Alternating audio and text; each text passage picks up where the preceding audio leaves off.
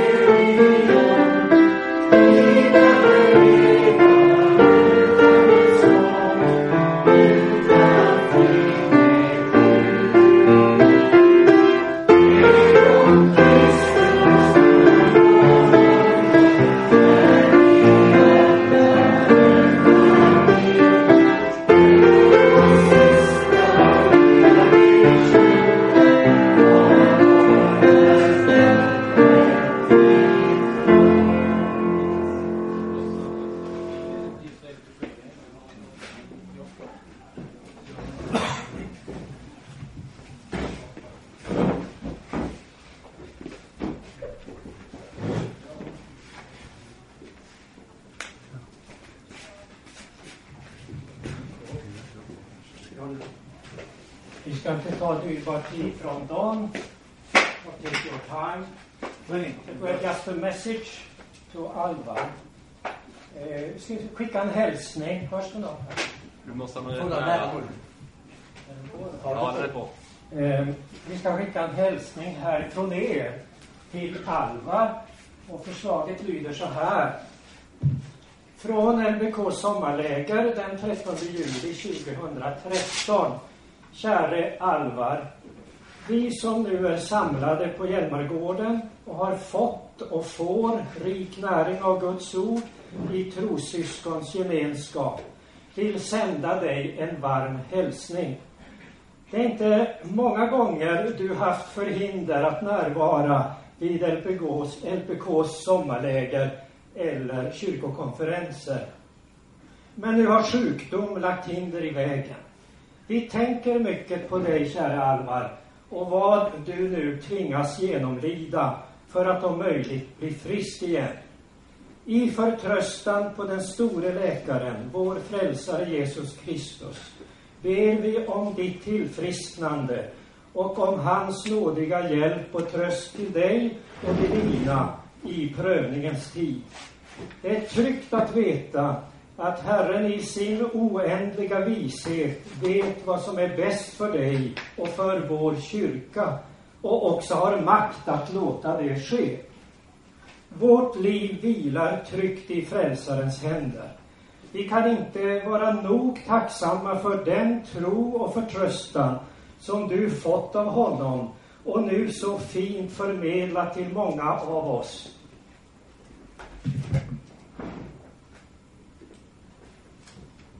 Till många av oss under din svåra sjukdomstid. Vi ber för dig Alvar och hoppas snart få se dig som förr träda upp i vår mitt och förkunna Bibelns goda budskap, om det är Guds vilja. Vi vet att för dem som älskar Gud samverkar allt till det bästa. Vem kan skilja oss från Kristi kärlek? Nöd eller ångest? Förföljelser eller hunger? Nakenhet, fara eller svärd? Romarbrevet 8, 25, 28 och 35.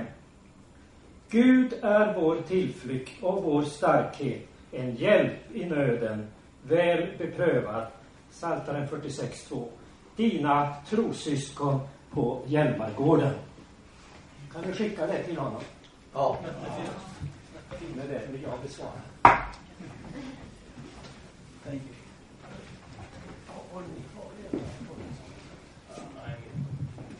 Tack så mycket, Sven. Varsågoda. Okay. Uh, Peter, do you want me to wait until you get that all fixed and ready to go? Because it's okay with me. We can figure that out. It's, it seems it seems like the wireless network is not stable. Have you started it? Then you're. Test, test, test, test.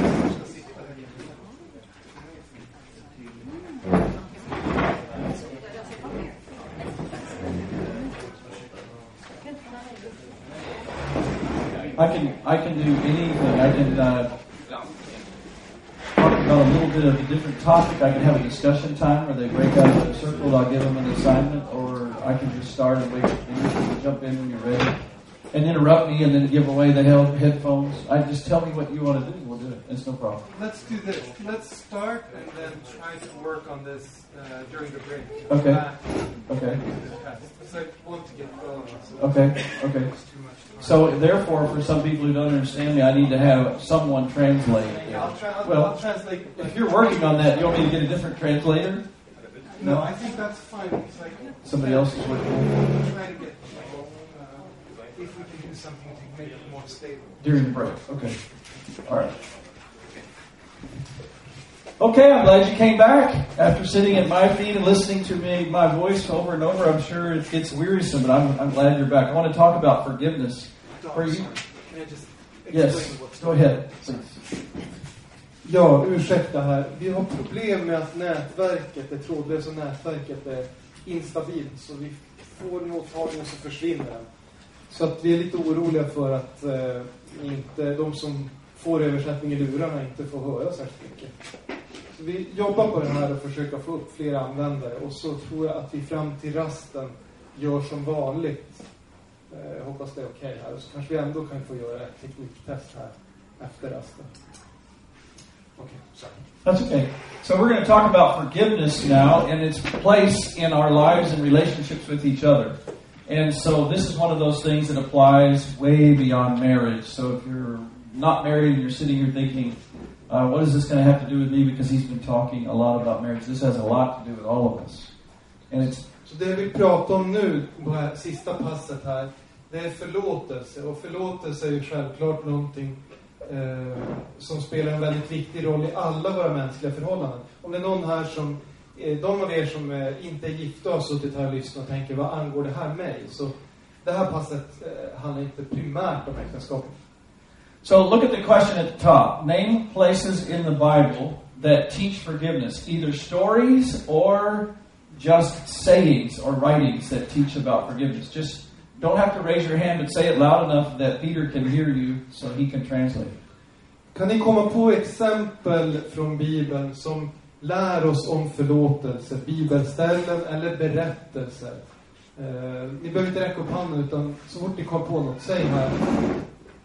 Förlåta andra som, som eh, Gud i Kristus har förlåtit er. Forgive each other as he has forgiven you. Okay, that passage to do that. Forgive each other as Jesus has forgiven you. Give me another one. Joseph and his brothers. Josef och hans bröder, He forgave them of everything every time they came back to him after 20 years of suffering because of them. han förlät dem trots att han hade fått lida i, i 20 år på grund av det de hade gjort mot honom. Another. Eh, den förlorade sonen, säger Ingrid, the prodigal son. Yep, the story of the prodigal son. Okay, good. The father that forgave. Ja. Eh, the woman at the well. Kvinnan vid Sykars brunn, säger Birgitta. Good. I can think of some more. Kvinnan som skulle stenas. Mm. Jesus eh, fick de andra Just det. Hörde ni vad hon sa? Den kvinnan som de hade tänkt stena, hon var anklagad för äktenskapsbrott. Och, och Jesus säger, den som är utan synd kastar första stenen. The woman about to be stoned, Mhm. that Jesus said. The jailer in Philippi. Good. Fångvaktaren i He was part of the guys that actually had punished Paul, and then he forgave. Rövaren på korset. Rövaren på korset. Eh, the thief on the cross. Thief on the cross. Konung David. Kung David, säger Bill här. King David. King David being forgiven. David forgiving Saul before that. David förlät ju Saul innan dess också. Stephen when he was being stoned. Stefanus, som förlät dem som avrättade honom. Jesus saying, Father, forgive them, they don't know what they're doing. Jesus som ber på korset, Fader förlåt dem till de vet inte vad de gör. The whole message of Jesus. Och hela Jesu budskap. The whole meaning of the Bible. Bibelns budskap. There are many more. Ja, det finns många fler. The reason that I wanted us to do that for starters is this. Too often we think that forgiveness is the hardest part of Christianity. Och anledningen till att jag skulle vilja att vi börjar med det, det är att ibland så tänker vi att förlåtelse, det är det svåraste med kristen tro. Because God says to Christians, forgive the way that I've forgiven you, forgive completely. Eftersom Gud uppmanar oss att förlåta som han förlåter. Förlåt helt och fullt. Forgiveness is not the hardest part of Christianity, forgiveness is Christianity.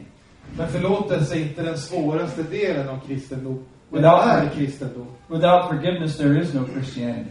Utan kristendom har vi, utan förlåtelse har vi ingen kristendom. None. Zero. Ingen. Noll. That's why in the Lord's Prayer, He teaches us, forgive me as I forgive others. Och därför har det, finns det också med i Herrens, Herrens bön. Förlåt oss så som vi också förlåta andra. If we do not understand and believe the grace of God that gives us forgiveness, also teaches us and gives us power to forgive, then we are not Christians. Om vi inte förstår Guds förlåtelse och sen också vill förlåta andra, då är vi inte kristna. We're just religious people. Då är vi bara religiösa. What is the same between our religion and all other world religions is morality. Det som förenar vår kristna, kristna tro och all religion, det är just moralen. And there is a deity, Och att det finns en gudom. and most of us have holy writings. Och de flesta religioner har heliga skrifter. skrifter. But what is different, and the only and the only world religion that teaches a grace from a God who should judge us because he judged his own son is Christianity. Men den enda religion som lär oss att eh, vi, bör, vi bör förlåta eftersom Gud straffade sin egen son av eh, kärlek till oss, men också av helighet. So when we Christians struggle to forgive, we are in a crisis in our faith.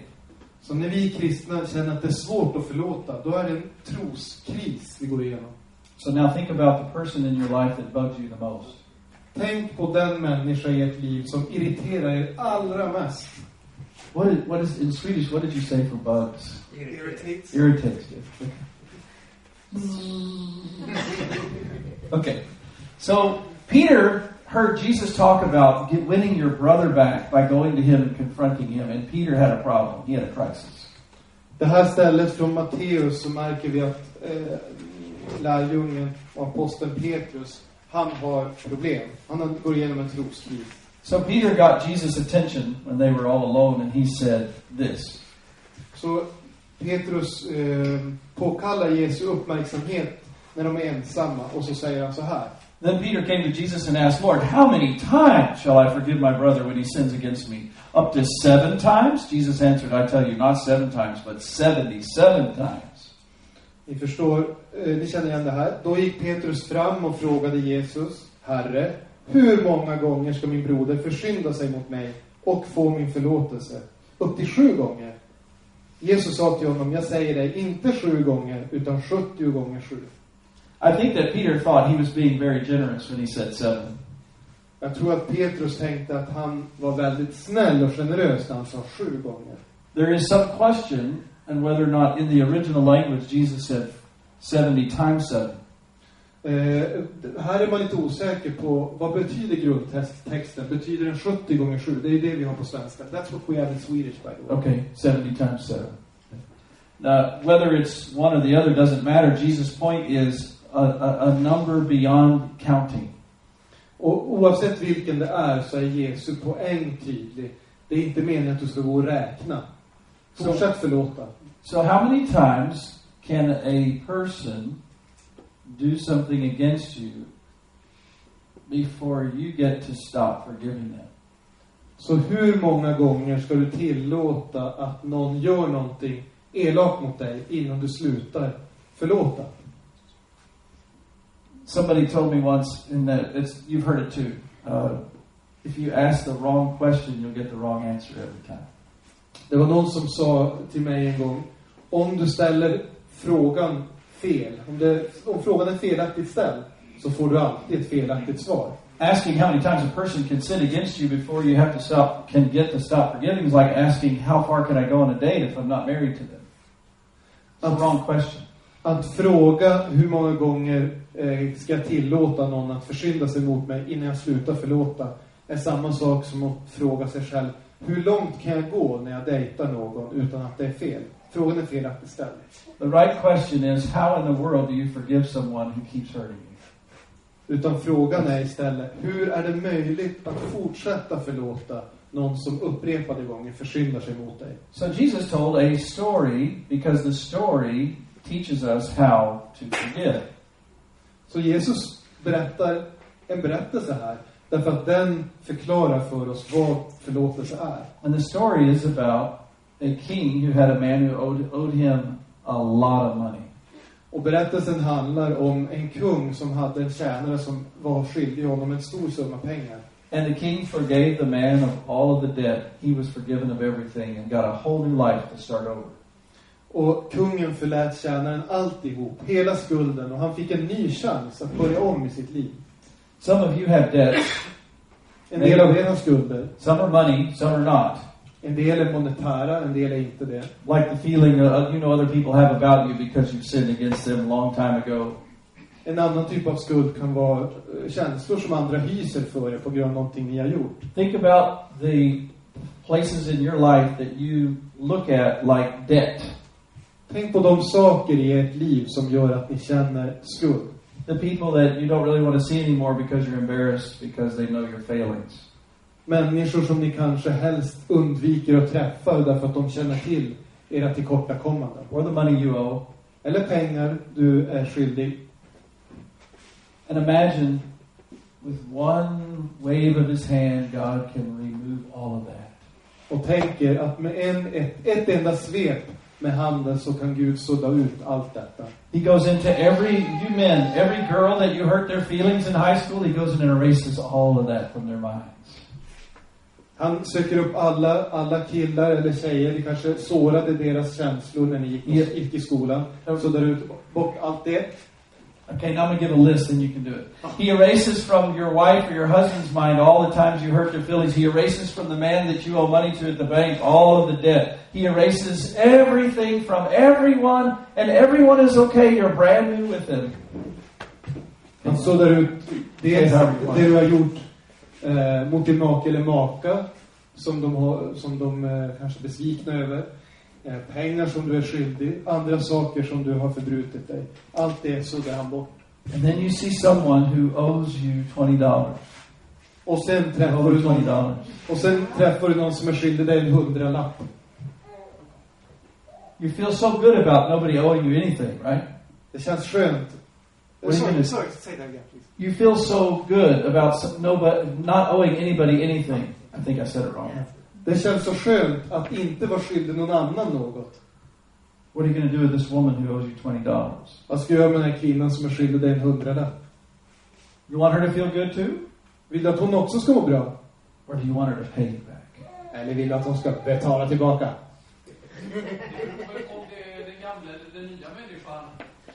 But Per is saying that it depends uh, on whether it's the new or the old man that is speaking. Yeah, yeah. So if you're having trouble forgiving someone, who's speaking? Så när du har svårt att förlåta någon, vem är det då som talar? It's the old man. Det är den gamla människan. So this is what Jesus says. This man went out and he grabbed another man who owed him twenty dollars and shook him by the shoulders and said, "You're going to pay. Go to jail until you pay off." And the other servants heard about it, and they reported it to the king. Och det här är vad Jesus berättar om. Att när den här tjänaren som hade fått allt förlåtet kom ut så träffade han en annan tjänare som var skyldig honom 200 kronor. Och så tog han tag i honom och ruskade om honom och sa i fängelse tills du har betalat till sista öret. And the king said, "Bring him in here. I want to talk to him." And this is what he said. Och då säger kungen, ta in den här obarmhärtiga tjänaren, jag vill tala med honom. Och så här sa han. Shouldn't you have forgiven your fellow servant just as I forgave you? In anger, his master turned him over to the jailers to be tortured until he should pay back all he owed. And this is how my heavenly Father will treat each of you unless you forgive your brother from the heart. Borde inte du också ha förbarmat dig över din medtjänare, liksom jag förbarmade mig över dig? Och i sin vrede överlämnade hans herre honom till fångvaktarna, tills han hade betalt allt vad han var skyldig. Så ska också min himmelske fader göra med er, om ni inte var och en av hjärtat förlåter sin broder. What does the, the if you are two natures in a Christian, an old sinful person and a new spiritual person, which part does the old sinful person hear in what the king said? Vi tänker oss att vi är både, precis som Bibeln säger, både gammal och ny människa. Vilken del av det här hör den gamla människan? Turn him over to the jailers. Överlämna honom till fångvaktaren. old man is killed by that because he's you're afraid that you'd end up going to hell, right? Den gamla människan, han blir jätterädd här. Han är ju på väg till helvetet. The new man hears, shouldn't you have forgiven the same way that I forgave you? And says, yes. Men den nya människan, den hör, borde inte du? Och tar det som en uppmaning och måste svara ja. Here's the secret of forgiveness. For Här a, är förlåtelsens hemlighet. for a Christian, the secret of forgiveness is Jesus forgiving you. För den kristne, hemligheten ligger i att Jesus har förlåtit dig. It has nothing to do what they did to you. Det har inget att göra med vad de har gjort mot dig. Now I'm going to say it in a way that is very shocking to me. Nu ska jag säga det på ett sätt som även jag tycker är chockerande. Forgiving them has nothing to do with whether or not they raped you, Att förlåta dem handlar inte om ifall de har våldtagit dig. or they were driving drunk and killed your child, Eller om de eh, körde på fyllan och dödade ditt barn. or they did something that made you lose your job, Eller om de gjorde något som kostade dig ditt jobb. or there was a husband or a wife that had an affair, Eller om du ha, ha, hade en, en hustru eller en, en man som eh, var otrogen. Or whether or not he keeps doing it or not to you, Eller om han fortsätter att göra det där som du blir så arg över. or whether she ever will apologize. Eller om hon någonsin kommer att be om förlåtelse. Forgiveness for a Christian has nothing to do with the other person at all. Förlåtelse för en kristne har inget med den andra att göra. It has to do with you and God. Det har med dig och Gud att göra. The sin that they've committed against you only creates the opportunity to, for you to learn how full of God's love you really are. Det faktum att de försyndat sig mot dig, det innebär bara att du får en chans att lära dig hur villig du är att förlåta. And if the sin reveals that your love has been very conditional because you only really like to forgive the nice people, Och om det är så att synden avslöjar att din förlåtelse är väldigt villkorad, egentligen tycker du bara om att förlåta de som är snälla och goda. or the people, you only forgive the people that don't cost you very much, Eller bara att förlåta när det inte kostar dig särskilt mycket. then it makes you realize, well, you're not that much of a believer after all. Då får dig att inse att du är inte så mycket till kristen. And then you really start to pray, Och då måste du verkligen börja be. God, help me.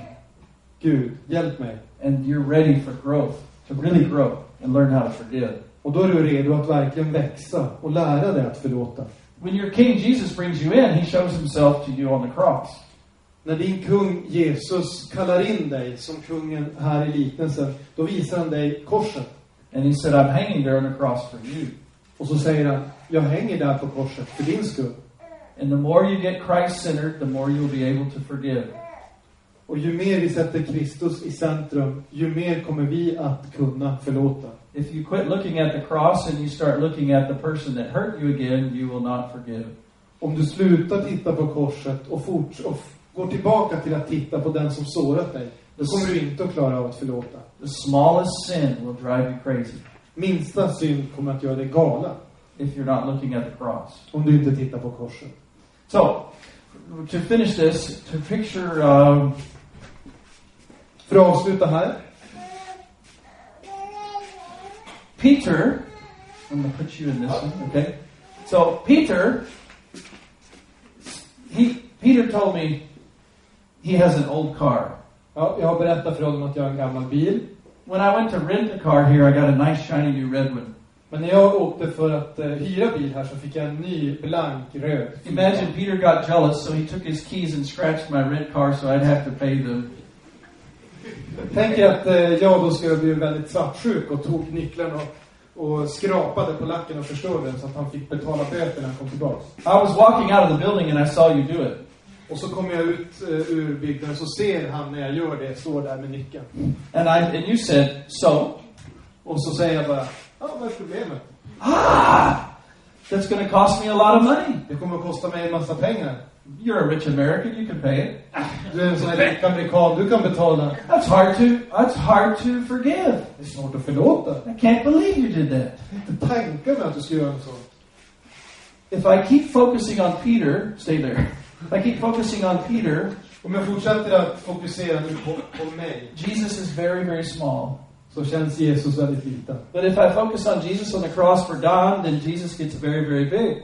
Men om jag istället fokuserar på Jesus på korset för Dons skull, då blir Jesus mycket större. And Peter is just a little bug back there. Och jag i det här fallet blir bara en liten insekt där långt borta. If he scratches it again, he gets big again. Men om jag står där nästa morgon igen och förstör bilen ännu mer, då blir jag stor igen. Or if you tell me again you don't care, Eller om jag säger en gång till, Get big again. så blir problemet stort igen. so the more you sin against me, the more I have to get close to Jesus. Så mer- ju mer jag syndar mot honom, ju närmare Jesus måste han hålla sig. So there was this pastor who had a little girl on a, on a soccer team.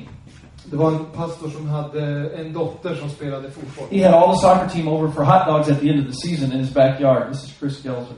Och han bjöd in hela laget i slutet av säsongen och de skulle grilla där på hans gård.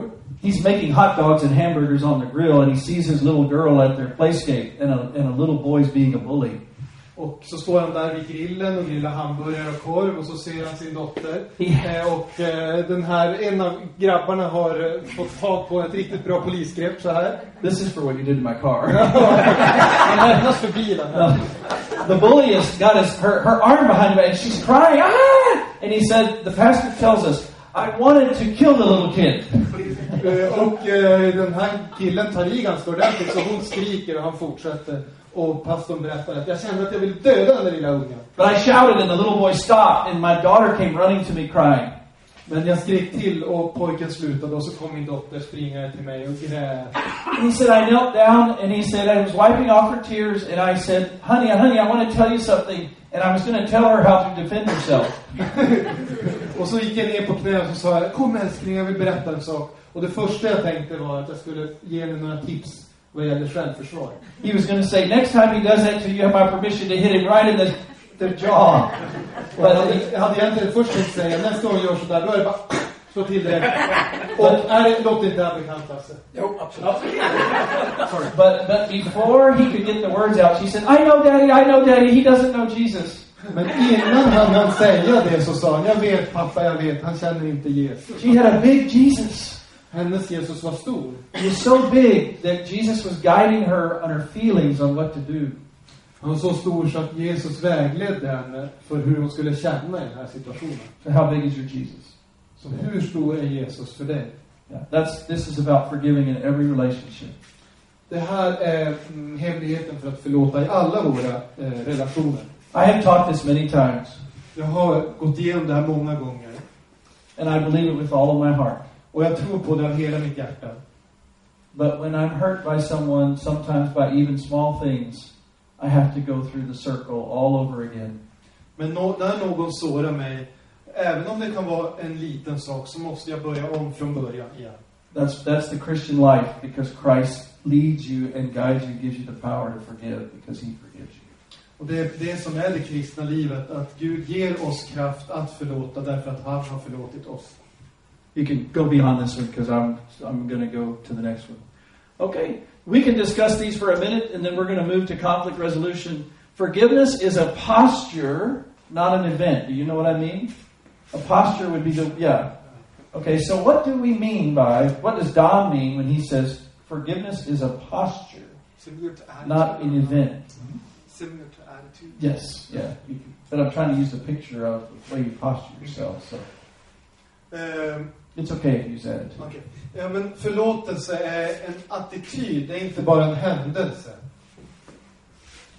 Och posture här som man har, det har med, ofta med kroppshållning att göra. Något sånt utgå, utgångsläge kanske inte så dumt. Do you know what I mean? Förstår ni hur han menar då? Ja. Förlåtelse som en attityd, det tror jag. is yes. Eller hur? Om ni nickar så förstår ni. Ni gör så här. Om ni inte förstår. Okay. So at, at weddings, a lot of times during the sermon, for the little sermon during the wedding, the devotion, I'll have the couple look at each other, turn before they ever do their vows, and this is what I have them say. Eh, håll on, håll on. Eh, när, när jag håller i, i vigslar, under eh, vigseltalet, det här är innan eh, man har utvecklat, utväxlat löften, så ber jag paret att vända sig mot varandra. Och det här ska de säga. This is what I have them say. I forgive you of everything you're ever going to do against me. Jag förlåter dig för allt du någonsin kommer att göra mot mig. And I forgive you of all the things you're supposed to do for me, but you won't. Och jag förlåter för dig för alla de saker du borde göra för mig som du inte kommer att göra. And the couple never sees it coming. Och paret är aldrig beredda på det här. And they always laugh like a sheep. Och de, och de skrattar alltid lite förläget. And after they say it, Och efter att de har sagt det, I tiptoe over them and I say to their parents, Did you hear them say that? Så smyger jag iväg till deras föräldrar och säger, hörde ni vad de sa? Now, when they call home and tell you how bad the other partner is, will you remind them what they said here? När de nu ringer hem och klagar på sin make eller maka, påminn dem om vad de sa här i kyrkan. We have to help each other learn how to forgive because we have Jesus in our life. Vi måste hjälpa varandra att lära oss att förlåta, för vi har Jesus i våra liv. What are the responsibilities of the offender when a sin has been forgiven? Vad har förövaren, den som har försyndat sig, för eh, åtaganden, ansvar mot offret när han, hon har blivit förlåten? Alltså, jag har försyndat mig mot någon, den personen har förlåtit mig. Vad har jag nu för plikter mot den som jag har sårat och blivit förlåten av? I don't want some husband in here who drinks a lot, more than he should, elbowing his wife and saying, See, there, you gotta forgive me. Poängen här är inte att någon, till exempel någon make här som, som dricker för mycket ska ge sin fru en armbåge och säga Du hör där, du ska fortsätta förlåta. What's the responsibility of the offender? Vad har förövaren, om vi använder det ordet, för ansvar? Regret. Ånger. How, how long? Hur länge ska man behöva ångra sig? Yeah, that's right. That's right. So, some big... Det säger jag. You- Everybody got it? Ja, men det tror jag. Okay. Some big sins that hurt a lot, the person that got hurt will remember it out of the blue someday. En del stora synder kan, kan få till följd att någon kommer ihåg det och berörs av det långt senare. And a shadow and a dark place comes over them. Och så kommer det som en mörk skugga över dem. And so they bring it up again. Och så tar de upp det igen. I can't believe you hurt me that way. Jag kan inte tänka, jag kan inte förstå att du gjorde så mot mig. The person that hurt them needs to not say, do not say, you forgave me of that already. Och den som en gång sårade dem ska inte då säga Hallå där, du har ju faktiskt förlåtit mig. Even if it's the hundredth time they brought it up, always regret. Även om det är hundrade gången de tar upp det. Visa alltid ånger. Always humility, always apology. Alltid ödmjukhet. Alltid en ursäktande attityd. And the person that is hurt, that is a believer, will all, needs to always say, I forgive you. Och den som har blivit förorättad och som är troende har en plikt att alltid säga jag förlåter. Okay. I want everybody to stand up who, who can think of the last time you told somebody that they did something wrong. Could be little or big. Alla som... You should have. Go ahead. Eh, Alla som, eh, jag vill att alla ska resa sig som kan komma ihåg senaste gången de sa åt någon, eh, här har du gjort fel, någonting fel mot mig. In other words, like you should have taken the garbage out. Why didn't you have the key?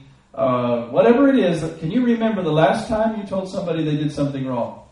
Eh, senast du tillrättavisade någon, det kan vara små, små saker. Varför tog du inte ut soppåsen? Varför diskar du inte? Remember? Om du kan komma ihåg, ställ dig upp. If you can remember the last time. Okay, it's okay. Now, sit down only if Sätt dig bara om, you have told that person that you forgive them. om du har sagt till den personen, jag förlåter dig för att du glömde ta ut So you got soporna. some, some sat down. Okay.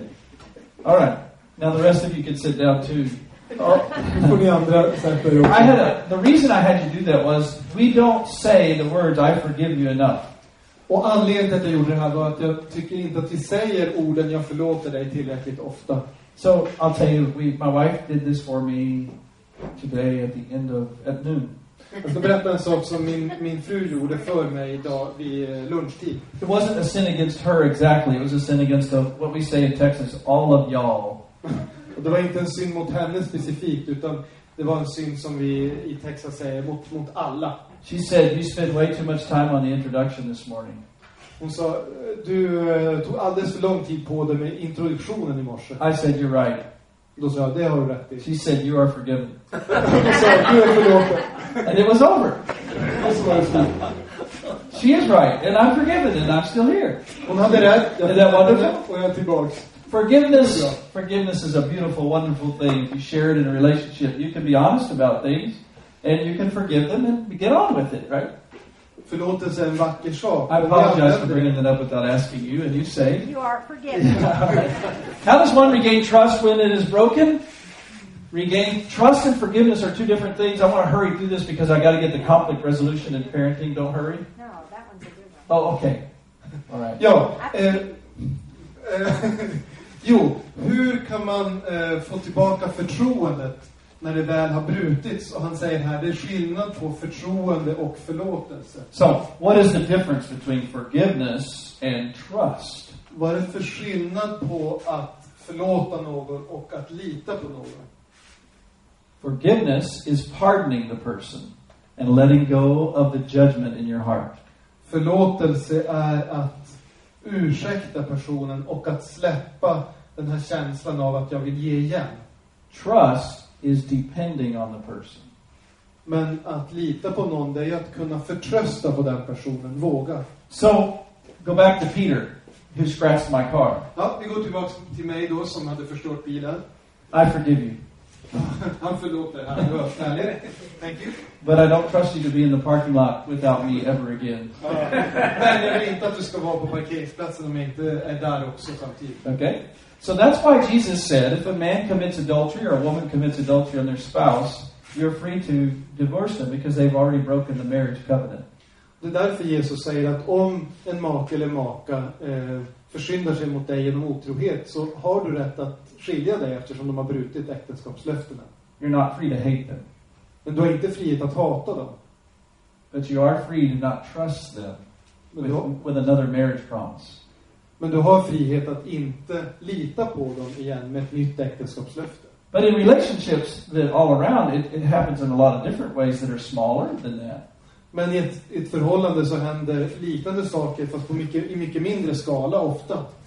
So remember that. You trust and forgiveness are two different things. Some people who are having a hard time trusting are worried that they do have not forgiven someone, but they actually have.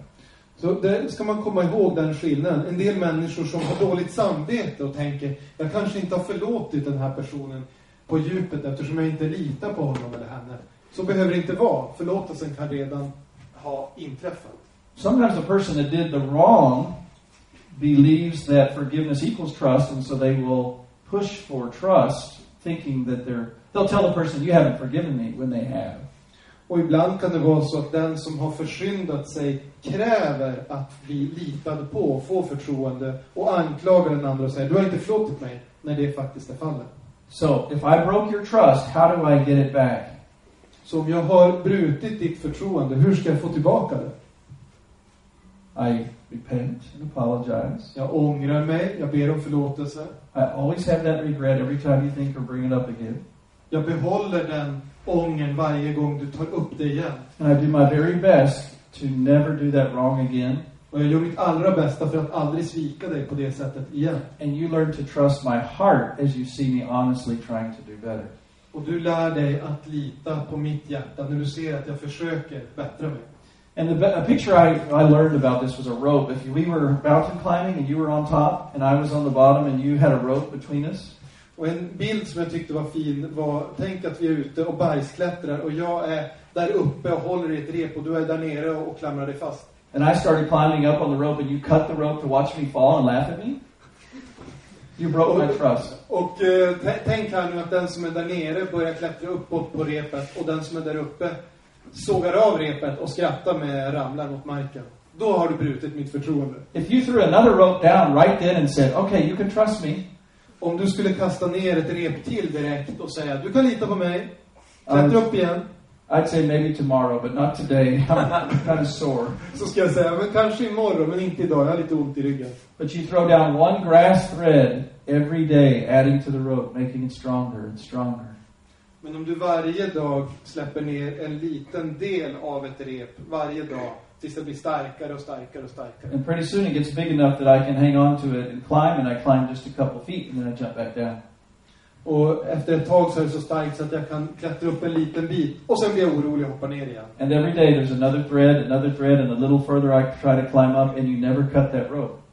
Och varje dag så blir det lite, lite högre. Jag visar eh, mig värd förtroende lite, lite mer. Till slut kan du klättra upp hela vägen. In time, we have trust built up again between us. Över tid så kan förtroendet byggas upp igen. Is that what you were looking for, Mary? How does forgiveness strengthen our relationship with Christ? I'm going to answer this so we can move on. When you have skin on and you forgive me in the name of Christ, I believe in Christ's forgiveness even more because you are teaching me. Because you're a, a person using his name saying, You forgive me. When you have skin on? You, yeah. Do you have, do you have skin on? Yeah. Yeah. So I, that was not a colloquialism, so I'll take that away. So you have to try to translate that. When a human being that you can see forgives you, it's easier to believe in Christ who you cannot see, who's for, who forgives you. När en människa som vi kan se med ögonen förlåter oss, då är det lättare för oss att förstå och tro på att Jesus, som vi inte ser, förlåter oss. This is the beauty of Jesus giving the keys to the church. Och det är det vackra i att Jesus ger, ger nycklarmakten till kyrkan. You know what I mean by keys? The keys to the kingdom, the office of the keys. Ni vet vad jag menar med nycklarna va? Alltså förlåta och låsa i synd. So when a Christian comes to their pastor and says, I have to confess something, and the pastor says, God forgives you, I forgive you, you are forgiven, and the pastor lives without judgment and does not withhold his love, and he's still there for them, that person trusts in God's forgiveness even more because Jesus gave the pastor the power to give his love to that person. Så när du går till din pastor och berättar, jag har en synd som jag vill bekänna, och han säger, Gud förlåter dig och jag förlåter dig. Och när han fortsätter att visa kärlek mot dig, så stärks du i tron på att Gud verkligen förlåter dig. So who did Jesus give the keys to? Only the pastors. Vem gav Jesus nycklarmakten till? Var det bara pastorerna? Every Christian in, in the home, when we give each other forgiveness, it makes it easier for our faith in a God who loves us to happen. Även i hemmet, eh, när vi använder nycklarmakten i hemmet, när vi använder lösennyckeln och för, förklarar för någon i familjen, du är förlåten av mig och av Gud, så stärks den personen i tro. But no, I mean, get that one picture up there. Okay, this is a story about forgiveness, and we're going to go on to conflict resolution. I'm sorry it's blurry there or dark. His, ma- his name is Mark. Jag vill, berätta en historia som handlar om förlåtelse. Han heter Mark. We went to church together growing up. And he's a Lutheran. Now he's in the Lutheran Church Missouri Synod. That's where we grew up. I moved to the Wisconsin Synod. But we went to church together. He's five years older than me. Han är fem år äldre än mig. Vi växte upp i samma församling. Nu är han med i ett annat samfund. When I was a little boy, I did not know this, but he lived in his family. He had a stepfather and his real mother. Eh, när jag var liten visste jag inte om det, men hans familj var hans biologiska mamma och en styvpappa. He quit going to church when he was 15. När han var 15 slutade han gå till kyrkan. I was 10. Jag var 10. When we were in, uh, Mary and I were in 18, 19 years old, we were in a Saturday night Bible study group, and we were always in the hallway of the church when people would visit to talk to them. Eh, när Mary och jag var 18-19 år så hade vi bibelstudium på lördagar i kyrkan och vi brukade alltid hålla oss där och hälsa på folk när de kom och gick. On on uh, New Year's Eve, he came to church, and we were out there, and we saw him, this old friend of mine, and we talked to him. På nyårsafton så träffade vi den här gamla vännen till mig på kyrkbacken och vi började prata med honom. We invited him to our Bible study that met every Saturday night. Vi bjöd in honom till våra eh, bibelstudier på lördagskvällar. He came the next Saturday night after after New Year's, and he started coming a lot. Och han kom redan nästa vecka han började komma mång- ofta. After a couple of weeks, he told us that on that night he was going to commit suicide. That, that he came to church. Efter några veckor så berättade han att den där första kvällen på nyårsafton så hade han egentligen tänkt begå självmord. But he decided to try his old church one more time. Men då tänkte han, "Ja, men jag testar att gå tillbaks till min gamla kyrka en sista gång. He got back into God's Word and the gospel and believed in his forgiveness. Han började läsa Guds ord igen och började, fick tillbaka tron på Guds förlåtelse. Uh, and he decided to study to be a pastor. Och så beslöt han sig för att han skulle eh, studera för att bli pastor. He has severe epilepsy Han har svår epilepsi. because his birth father, when he was a, a, a one day old baby, was an alcoholic. Därför att hans eh, biologiska pappa var alkoholist och när Mark var en dag gammal He was in the hospital. The baby and the mother were still in the hospital, and the birth father was holding him. De var på sjukhuset fortfarande och hans pappa höll honom. The doctors and nurses had his mother out of the room for some procedure, Doktorerna och sköterskorna hade tagit med mamman ut ur rummet. and he was crying without stopping. Och Mark grät och, och pappan kunde inte trösta honom. And his father threw him to the floor.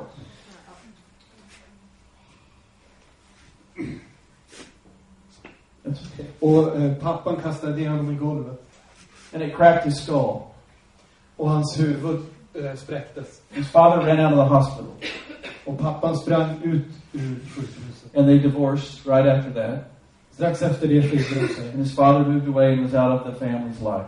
Och pappan flyttade långt bort och var borta från deras liv. He still has epilepsy today. He's now uh, 55 years old. Idag är han 55 år och lever fortfarande med sin epilepsi. He also has learning difficulties, and he has temper problems, and he uh, just sometimes has is socially awkward.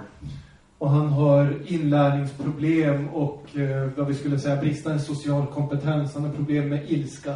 He went to college and seminary. Men han studerade på universitetet och sen på prästseminariet.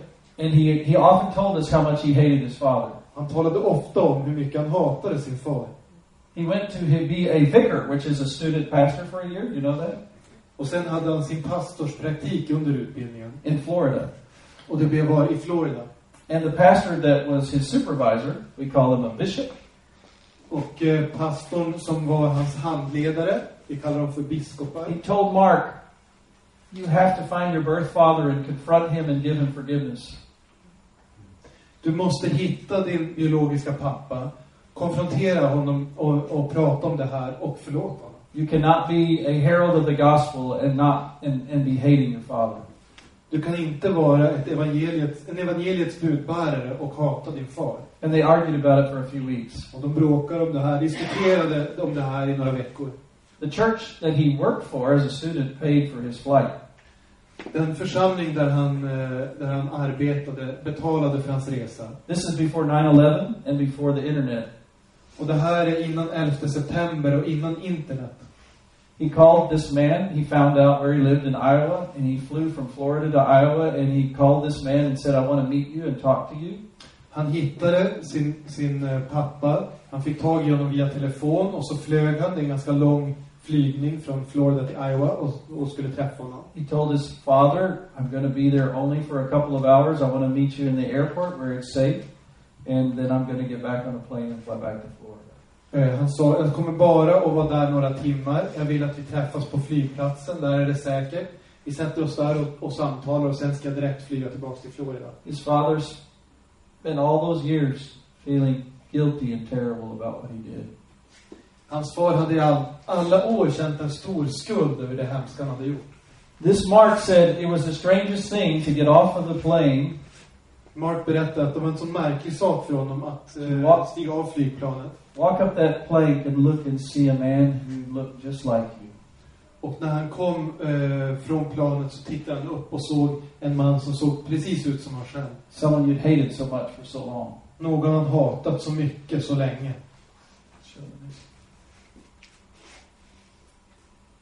There's his father. Hans pappa. His father put his hands in his face and he started crying and he said, How could you ever forgive me for what I did to you?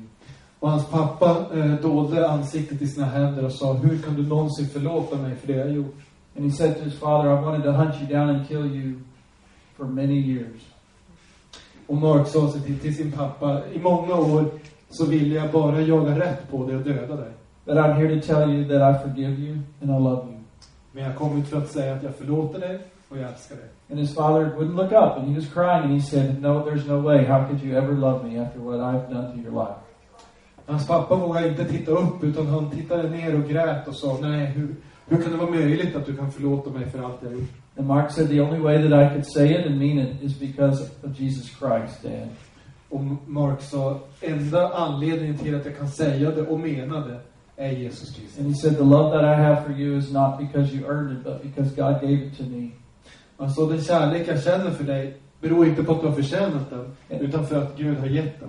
And it's the love that He gave us on the cross, and He died for our sins, and you're forgiven by me, and you're forgiven by God, and you need to know that so that you can live with Him and believe in Him, and you can understand what love is. Och den förlåtelsen, den vann Jesus på korset. Och det, jag vill att du ska lära känna den kärleken, för den gör att vi kan leva i förlåtelse. Mark got on a plane and went back home to Florida, and his dad started visiting a church. Så Mark gick tillbaks och satte sig på planet och åkte tillbaks till Florida och hans pappa började gå till kyrkan. They are friends, and they stay in touch, and they see each other. Idag är de vänner, de eh, håller kontakter, de träffas. And his dad is a Christian with him. They have the same faith and the same love and the same God, and they've experienced it between them. Och idag så delar de tron på Jesus Kristus. Mark is still a pastor in Texas. Mark är fortfarande pastor, nu bor han i Texas. If Mark can forgive his father every time he has to take that medicine and every time he thinks about the problems that he has, Om Mark kan förlåta sin far varje gång han tar sin medicin och varje gång han upplever de här problemen som orsakas av det där. and if he can do, and if he can do that because of Jesus Christ, Om han kan göra det för Jesus skull, you can live in forgiveness too. så kan också du leva i förlåtelse. All right. Go to the next one. Um, take a break and look to see. We're going to go to conflict conflict resolution next. You want to try to see if you can fix the internet? Nu är det dags för eh, mm, en liten paus här och sen ska vi tala om eh, konflikthantering. Ehm, och då hade vi, tror jag att vi ska försöka fixa eh, tekniken här, göra ett nytt försök. Se om det kan funka. Uh, how long a break? However long you need, five minutes, ten minutes, Eh, tio minuter, försök vara lite punktliga tillbaks då, tio minuter. Om det är någon här som har telefon som ni kan tänka er att låna ut, kom fram med den. Testar vi, vi har ett försök.